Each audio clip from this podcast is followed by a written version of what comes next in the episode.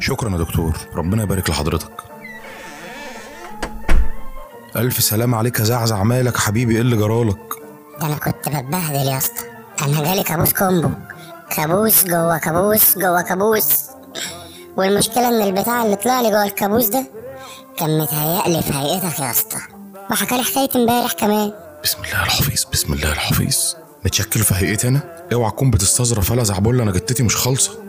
لا والله يا اسطى مش بستظرف. يا عيني عليك يا زعبولة وعلى جرالك يا عيني عليك اللي شفت اللي محدش شافه. انت كده شفت اللي محدش شافه؟ طب تعالى بقى يا زعبولة أنا هحكي لك حكاية الراجل اللي شاف اللي فعلا محدش شافه. لا لا لا ابوس إيدك يا اسطى خلاص. ابوس رجلك يا اسطى خلاص. إحنا نقضيها فشة كونية بقى. لا لا ولا كونية ولا ما كونياش تعالى تعالى ما تخافش. أنا قاعد جنبك أهو احكي لك حكاية الصحابي اللي فعلا شاف اللي محدش شافه. قوم بس نور كل أنوار الورشة وهرس لنا بيضة مسلوقة كده على طبق فول وظبط السلطات على معلق أنا على الشاي وأنت جاي في السكة سمعني الصلاة على حضرة سيدنا النبي.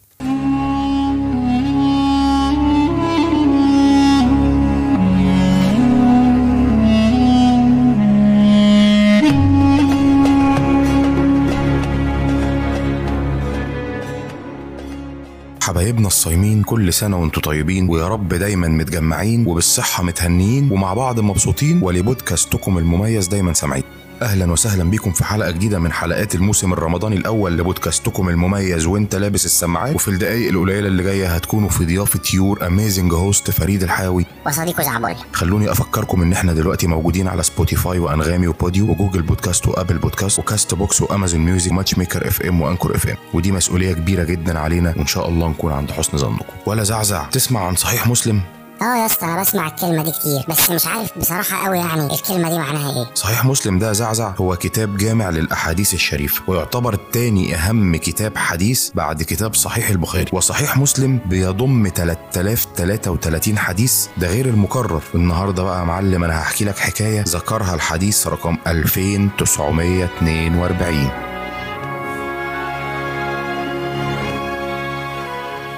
الحديث ده زعزع اسمه حديث تميم الداري. تعرف مين هو تميم الداري يا زعبولة أو سمعت عنه قبل كده؟ تميم الداري؟ مش ده اللي متسمى على اسمه مدان أبو الدردار اللي في اللبان يا اسطى؟ لا يا زعبولة ده اللي أنت قصدك عليه ده اسمه مقام سيدي أبو الدرداء. إنما تميم الداري ده شخصية تانية خالص. ده صحابي يا زعزع واحد من صحابة رسول الله صلى الله عليه وسلم. اتولد في فلسطين ومات في فلسطين وعاش من سنة تسعة هجريا من ساعة ما أسلم لحد وفاة سيدنا عثمان بن عفان في المدينة المنورة. واللي انت ما تعرفوش عنه بقى إن هو كان نصرانيا وأسلم سنة تسعة هجريا بسبب حكاية الليلة. يا اسطى هي كلمة نصراني دي يعني مسيحي صح؟ آه يا زعزع يعني مسيحي. طب هي يعني بتضايق المسيحيين ولا فيها تلقيح عليهم ولا إيه بالظبط؟ أنا مش فاهم. وهي لو بتضايق المسيحيين زعبولة أو فيها أي نوع من أنواع الإهانة أنا كنت هقولها أصلا بص يا سيدي إحنا هنطلع بره الموضوع بس أنا هكسب فيك ثواب وافهمك حاجة كده بسرعة. السيد المسيح في العقيدة المسيحية اسمه يسوع المسيح الناصري. المسيح كلنا عارفين هو ليه اسمه المسيح لأن هو اسمه المسيح في كل الديانات. أما الناصري لأنه من قرية تدعى الناصرة. فإحنا لما هنقول المسيحيين يعني أتباع المسيح ولما هنقول النصارى يعني أتباع الناصري.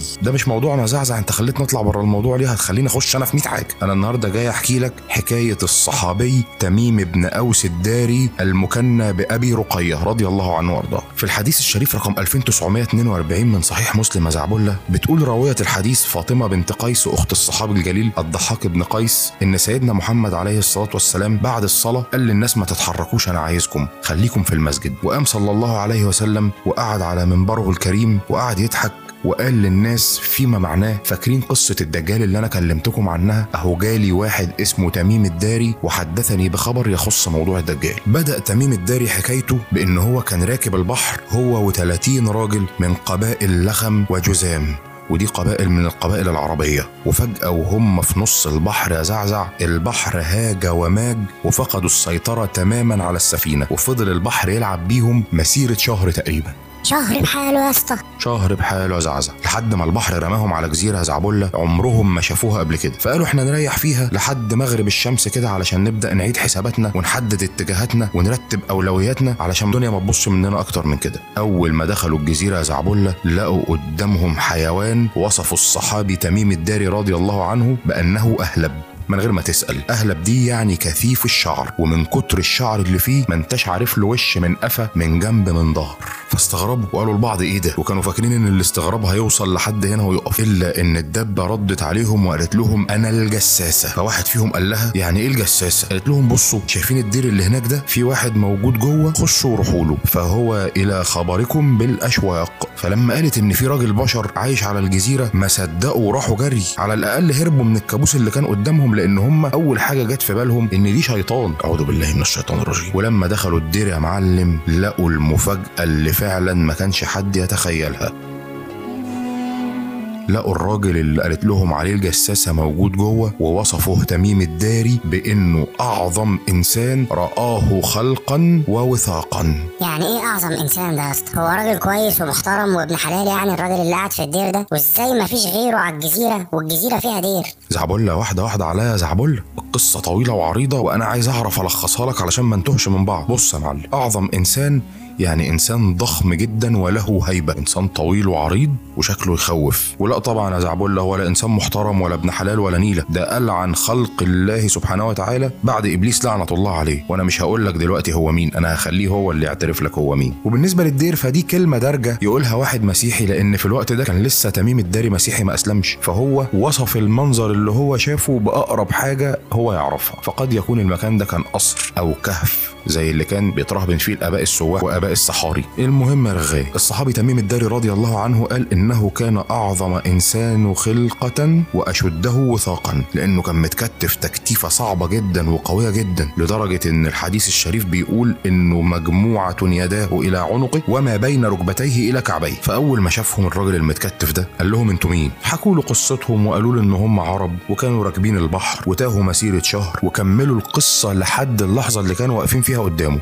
فبص لهم بصة غريبة كده وسألهم أول سؤال. سألهم عن نخل بيثان. هل يثمر؟ قالوا له آه يثمر. قال لهم يوشك ألا يثمر. ونخل بيثان ده بقى زعبله موجود في مدينة اسمها مدينة بيسان. دي مدينة بتقع شمال جنين وجنوب الناصرة في فلسطين على مساحة 7 كيلومتر من الأرض. وللأسف يا زعزع المنطقة دي بتقع تحت حكم الاحتلال الصهيوني وأباد اليهود نخل بيسان من سنة 1965 وتحققت نبوءة الراجل المتكتف ده بأن هو فعلا يوشك ألا يثمر وهو الآن غير موجود أصلا علشان يثمر. يعني هو دلوقتي ما بيثمرش؟ اشجيني يا اسطى بالبلاوي اشجيني كمان. وسألهم الراجل المتكتف السؤال التاني. سألهم عن بحيرة طبرية. هل جفت أم بها ماء؟ قالوا له لأ. بها ماء. قال يوشك أن يذهب. وبحيرة طبرية دي بقى زعبلة بتقع ما بين منطقة الجليل في شمال فلسطين وهضبة الجولان في سوريا. وكل المنطقة دي بالمحيط بتاعها تحت سلطة الاحتلال الصهيوني. ومساحة بحيرة طبرية تقريبا تقدر ب 166 كيلو متر مربع. بس أنا عندي ليك خبرين يا زعبلة.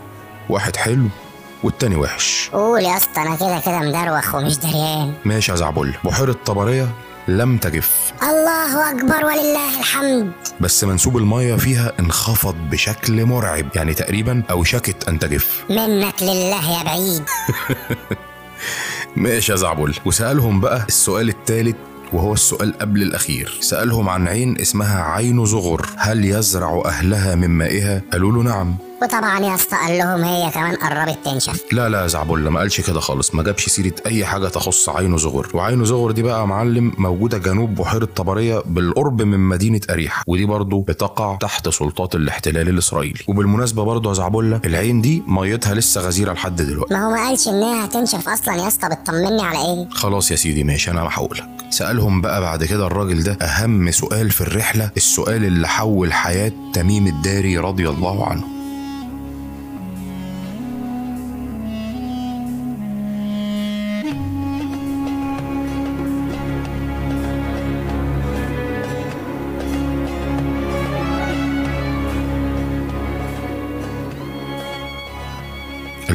أخبروني عن نبي الأميين. هل خرج؟ قالوا له حصل. قال لهم طب عمل إيه؟ قالوا له خرج من مكة وراح يثرب. قال لهم هل قاتله العرب؟ قالوا له نعم قاتله العرب وانتصر عليهم وأطاعوه. قال لهم ما معناه إن أحسن حاجة عملوها؟ إن هم أطاعوه. دلوقتي جه الوقت اللي أعرفكم فيه أنا مين. إني أنا المسيح وإني أوشك أن يؤذن لي في الخروج. مسيح مسيح إيه يا اسطى؟ أنت مجمع أنت بتقول إيه ولا أنت مش معانا أصلا؟ مجمع زعبله بس ده مش السيد السيد عليه الصلاة والسلام ده المسيح الدجال يا زعبله اللي اتكلمت عنه كل الأديان وتسمى المسيح لأنه سيمسح الأرض في أربعين ليلة إلا مكة والمدينة هيحاول يدخلها لكنه هيفشل لأن في حرس بيحرسها على الأبواب ومش بس أبواب المدينة اللي محروسة دي كل دروب ومنافذ ومداخل المدينة لذلك حرمت عليه وهو بنفسه قال لهم الكلام ده. وبعد ما خلص سيدنا محمد عليه الصلاة والسلام السرد اللي قاله له تميم الداري عقب على الكلام ده وقال ألا إنه في بحر الشام أو بحر اليمن. وبعد كده رجع قال لا بل هو من قبل المشرق بل هو من قبل المشرق بل هو من قبل المشرق. طب أنا عندي سؤال بس يا اسطى معلش. اسأل يا زعبل هو ده حديث صحيح؟ آه يا زعبولة طبعا حديث صحيح ده موجود في صحيح مسلم. طب إزاي حضرة جناب سيدنا النبي قال على حاجة ورجع فيها تاني؟ يعني إزاي قال إن هي هتلاقيها موجودة في بحر الشام أو بحر اليمن وبعد كده رجع عدل وقال لأ ده في جهة المشرق ثلاث مرات؟ هي دي الأمانة النبوية زعزع. غالبية أهل العلم قالوا إن موضوع البحرين ده كان رأيه الشخصي هو صلى الله عليه وسلم إلا إن الوحي نزل عليه في التو واللحظة وعدل له المكان فرجع وقال لنا الصواب وصلح لنا وقال بل هو من قبل المشرق ثلاث مرات. وبعدين يا زعبول أنا عايز أفهمك حاجة مهمة جدا. سيدنا محمد عليه الصلاة والسلام في الحديث الصحيح الموجود في صحيح مسلم المرقم ب 2361 في قصة تأبير النخل. قال إني إنما ظننت ظنا فلا تؤاخذونني بالظن. ولكن إن حدثتكم عن الله شيئا فخذوا به فإني لن أكذب على الله عز وجل. صدق رسول الله صلى الله عليه وسلم. وبعدين في سورة الأعلى ربنا سبحانه وتعالى بيقول له سنقرئك فلا تنسى. أنت عارف أنا بقول لك الكلام ده ليه يا زعبله علشان في بعض المستشرقين حاولوا يهاجموا الحديث بسبب القصة اللي أنت خدت بالك منها دي إلا إن العلماء ردوا عليهم الردود دي وسكتوهم وما نطقوش تاني. ودي ردود بتقول إن الوحي دايما متواجد مع سيدنا النبي صلى الله عليه وسلم فحتى لو أدلى برأيه الشخصي في شيء وكان في نسبة سهو فالوحي في التو واللحظة بيصحح له صلى الله عليه وسلم وهو صلى الله عليه وسلم لا يستحي من إنه يغير الكلام علشان يقول لنا الكلام الصح طالما في التو واللحظة. وخد بالك من حاجة زعزع في ناس كتير قوي حاولت إن هي تهاجم الحديث الشريف ده معرفش ليه وإيه السبب؟ في منهم اللي قال إن ده من أفكار وتراث كان محمل بيهم تميم الداري قبل إسلامه يعني فيما معناه الكلام ده من المسيحيات. والشيخ محمد بن صالح بن عثيمين قال إن في حديث عن سيدنا النبي صلى الله عليه وسلم قالوا سنة 11 هجريا بيقول إن بعد 100 سنة كل اللي على وجه الأرض هيكونوا ماتوا. ونسي تقريبا الشيخ محمد بن صالح بن عثيمين إن الدجال أصلا استثناء من كل شيء لأنه من المنذرين. وفي بقى أهم رأي اتقال. قالوا إزاي تميم الداري رضي الله عنه شاف الدجال في جزيرة الجساسة؟ والدجال بنسبة كبيرة جدا هو ابن صياد اللي كان عايش في المدينة أيام حياة سيدنا النبي صلى الله عليه وسلم. ابن صياد اللي كان عايش في المدينة. لا استنى بقى ما تعدل لك يا اسطى عشان تحكي لي. احكي يا عم انت لا أنا مش قادر. خلاص خليها لبكرة وبعدين يلا بينا نتسحر ونقوم نصلي لنا ركعتين وبعد كده نقرا لنا جزئين علشان لما ندخل ننام يا زعبلاوي نتمسى بالخير.